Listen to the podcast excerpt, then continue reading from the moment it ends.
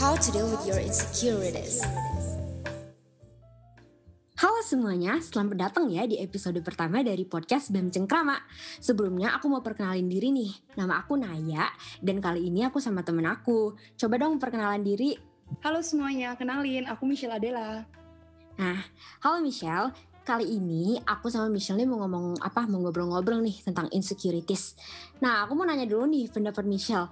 Menurut kamu insecure itu gimana sih, Michelle? Coba ya jelasin ke aku kayak gimana dan apa gitu loh.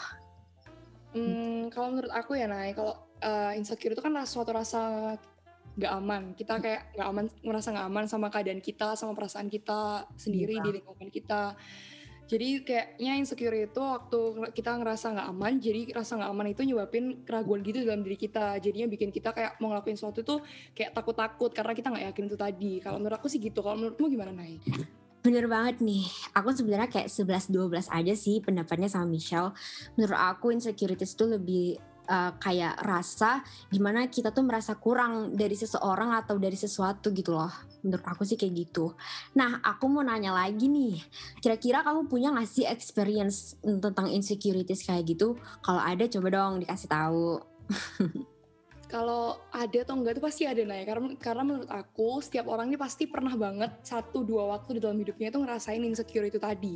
Bener banget. Tapi uh, banyak banget menurut aku kayak insecure itu nggak cuman kayak misalnya uh, terpatok hanya soal suatu hal gitu. Jadi kalau menurut kalau aku tuh pernahnya aku inget banget nih waktu kayak masih sekolah masih SMA itu aku uh, insecure-nya tuh kayak soal pelajaran gitu. Aku selalu ngeliat ada temen aku yang lebih dari aku kayak uh, ngelihat dia itu bikin aku minder ke keberadaannya dia itu bikin aku merasa terintimidasi gitu. Padahal sebenarnya dia nggak ngapa-ngapain dia cuma ngelakuin apa yang harus dia lakuin aja sama kita sama siswa gitu kan.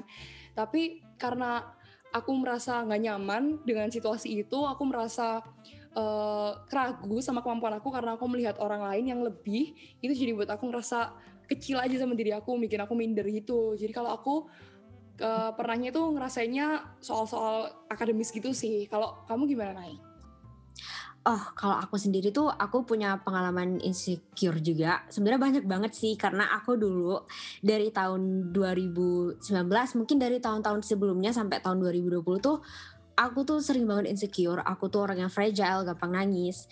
Jadi um, pengalaman insecure aku tuh pas 2019 sampai 2020 aku bener-bener kayak jerawatan parah banget. Jadi setiap ngeliat orang di sosial media gitu yang kulitnya mulus aku tuh langsung ngerasa iri kayak nangis gitu. Kayak kok bisa sih orang kulitnya mulus banget sedangkan kulit aku tuh kayak geradakan banget. Terus selain insecure fisik aku juga insecure sama kepintaran orang. Kayak walaupun ini kelas online tapi tetap aja aku insecure ngeliat teman-teman aku gitu. Kayak kok bisa sih mereka kayak berani salah, berani jawabin dosen. Sedangkan aku tuh kalau ditanya tiba-tiba sama dosen aja tuh langsung ah, panik gitu, kayak takut salah, gak berani gak berani salah gitu loh. Sedangkan temen-temen yang aku lihat tuh berani salah. Menurut aku orang yang berani salah tuh berarti um, orangnya tuh kayak berani menanggung resiko gitu loh. Kenapa aku nggak berani gitu loh? Padahal salah itu wajar, apalagi di kuliah kayak gini kan. Apalagi kuliahnya online juga. Jadi aku itu sebenarnya lebih kayak insecure ke segala hal termasuk fisik, kepintaran orang, mungkin yang lain-lain deh. gitu aja sih. Hmm, tapi bener banget sih Nay dari yang kayak kita omongin tadi kan ada yang kalau misalnya aku soal akademis kamu juga ternyata pernah nih soal akademis gitu juga kan nah kamu juga pernah cerita soal jerawatan gitu-gitu Hmm. nah, tapi kan untuk uh, sependek pengetahuan aku nih banyak banget itu yang tahu soal insecurities itu cuma soal penampilan fisik iya gak sih Bener, iya bener banget. tapi ternyata dari artikel yang lagi aku baca nih Ah, ternyata apa insecure itu nggak cuma fisik aja loh Nay Apa dong? Insecure itu ada soal apa insecure soal tentang hubungan habis itu pekerjaan terus Wow. fisik itu tadi sama keadaan sosial nah aku jelasin satu ya Boleh, boleh. kalau misalnya soal hubungan itu bukan tentang soal kayak pacaran gitu atau dua hubungan cowok cewek gitu tapi soal kayak eh, keluarga itu juga bisa tentang hubungan keluarga itu di sini dijelasin kalau misalnya suatu keadaan ketika kayak eh, seorang anak itu kayak terikat gitu loh terikat sama mungkin orang tuanya atau orang-orang terdekat yang ada dia karena em, dia selalu merasa terikat jadi dia kayak itu dia selalu nyaman dengan zona nyamannya itu tadi gitu loh. Jadi ketika dia keluar ketika dia jauh dari orang-orang terdekatnya itu dia merasa keterikatan itu lepas jauh dari dia jadi dia merasa nggak aman gitu. Karena kan sebenarnya insecure tadi itu rasa nggak aman gitu kan. Nggak selalu tentang rasa nggak percaya diri. Iya benar.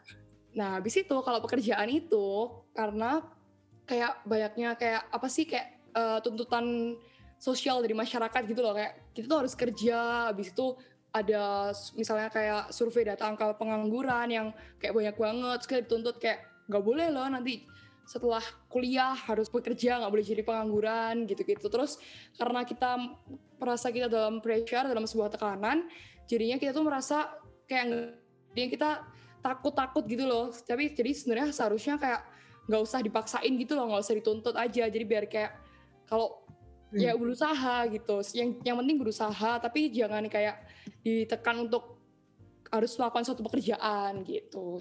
Nah terus kalau yang soal fisik itu ya kurang lebih sama kayak kamu gitu naik yang pengalaman kamu itu tadi. Nah sebenarnya mungkin aku juga pernah ngerasain kayak gitu. Cuman kayak nggak terlalu aku notice gitu sih gitu.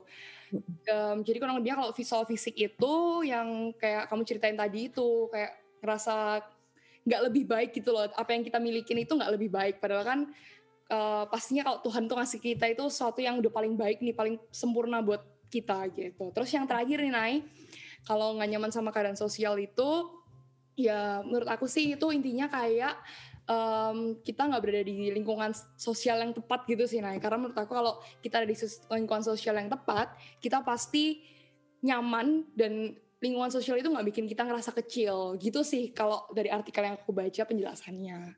Wah, menarik juga ya. Ternyata insecure tuh banyak banget jenisnya. Aku juga baru tahu.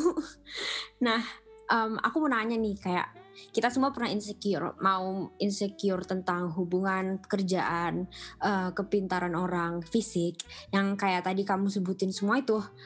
Menurut kamu kayak, kamu punya gak sih solusi terhadap rasa insecure, rasa gak percaya diri gitu? Kalau ada boleh dong dikasih tahu, bagi-bagi ke pendengar podcast kita.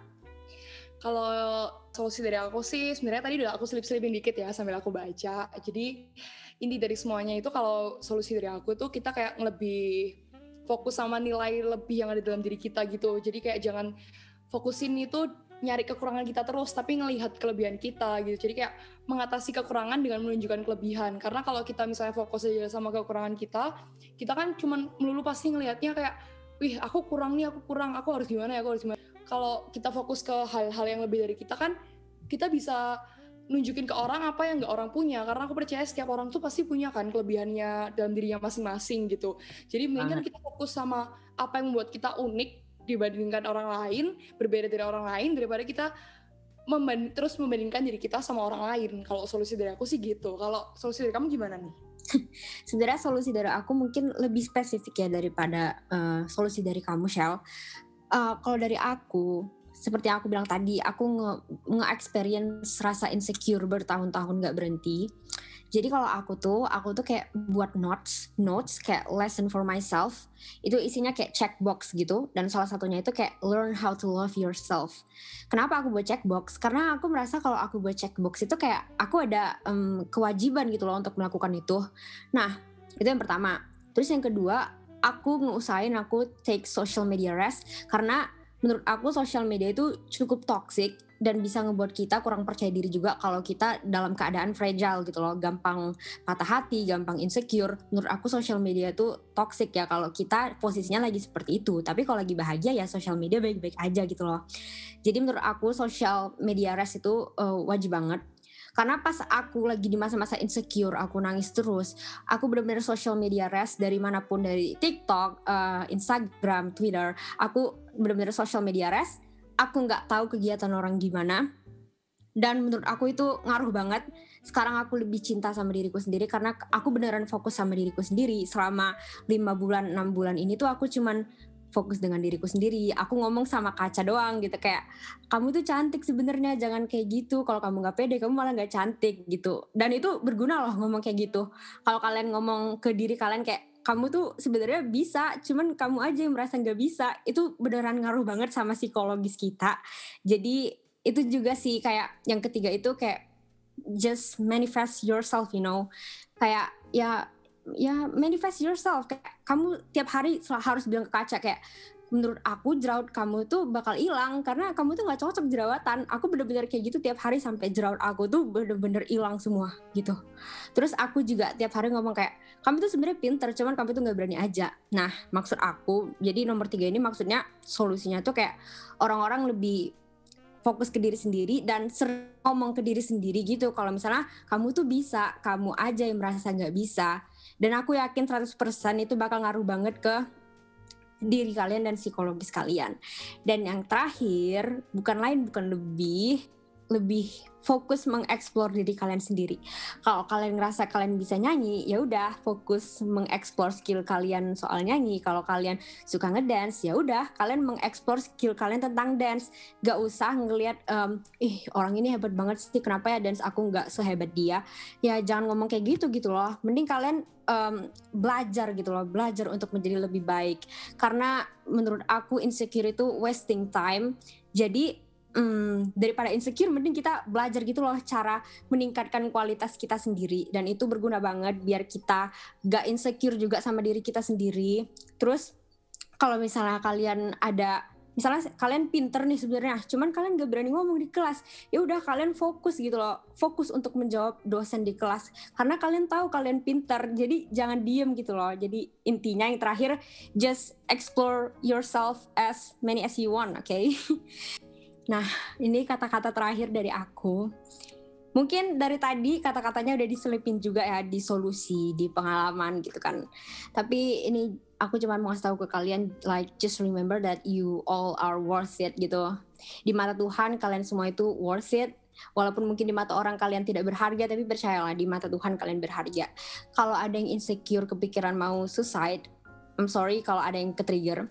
Kalau ada yang kepikiran mau suicide gara-gara insecure, just remember if you guys hold on just for one more minute, even one more year atau one more decade, kalau kalian get suicide, I'm sure that God will give you a happy life di another life, you know. Jadi kayak jangan insecure, jangan berpikiran mau membunuh diri, jangan.